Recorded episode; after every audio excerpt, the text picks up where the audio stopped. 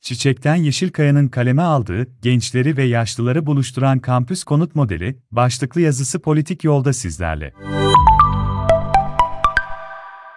İspanya'da hızla artan yaşlı nüfusu, artan genç işsizlik oranı ile birlikte ele alındığında iki büyük soruna işaret ediyor. Yaşlı sağlığı, bakımı ve gençler için her geçen gün artan barınma ve geçinme problemi. İkinci problemin bir yansıması olarak pek çok genç 30'lu yaşlarına kadar aileleriyle oturmayı tercih ediyorlar, ancak farklı bölgelerden okumak ve çalışmak için şehir değiştiren gençler için bu geçerli bir çözüm olmuyor. Öte yandan ülkede 2 milyondan fazla 65 yaş üstü yalnız yaşayan insan var.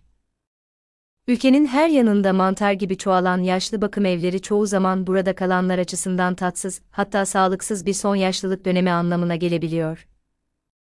Bunun en yakın örneğini Covid başlangıcında burada kalan yüzlerce yaşlının adeta kaderlerine terk edilmesi ve toplu olarak ölmeleri vakalarında yaşadı İspanya. Bu iki soruna birden çare olabilecek sistemlerden biri, Avrupa'da farklı ülkelerde olduğu gibi İspanya'da da uzun zamandır başarılı bir şekilde uygulanıyor. Buna göre yaşlı kişi co-housing denen bir sistem kapsamında sahibi olduğu evini genç bir kişiyle paylaşıyor. Eve kiracı bulma yetkisi ve sorumluluğu ise üniversite, sivil toplum kuruluşu ya da belediyede olabiliyor. Bu çerçevede evde barınan genç kişi, yaşlı açısından sosyalleşebildiği, acil ihtiyaçları için güvenilir bir arkadaş olurken, genç için son derece uygun kira koşullarında barınabileceği sıcak bir ev ortamı sağlanmış oluyor. İspanya, bu modelin başarısından hareketle, özellikle düşük gelir grubunda gittikçe artan ihtiyacı dikkate alan yeni bir sosyal toplu konut sistemi üzerinde çalışmaya başladı. 2000'li yılların başında Alicante'de test edilmeye başlanan bu modelde 244 haneli bir kampüs konuta %78'i 65 yaş üstü, %22'si 35 yaş altı 244 kiracı yerleştirildi. İyi komşuluk anlaşması temelinde her genç, ortalama 4 yaşlı ile eşleştirilip her hafta birkaç saatlerini sosyalleşme, beraber vakit geçirme ve yaşlıların temel bazı ihtiyaçlarının giderilmesine yardımcı olmaları için ayırmayı kabullendiler.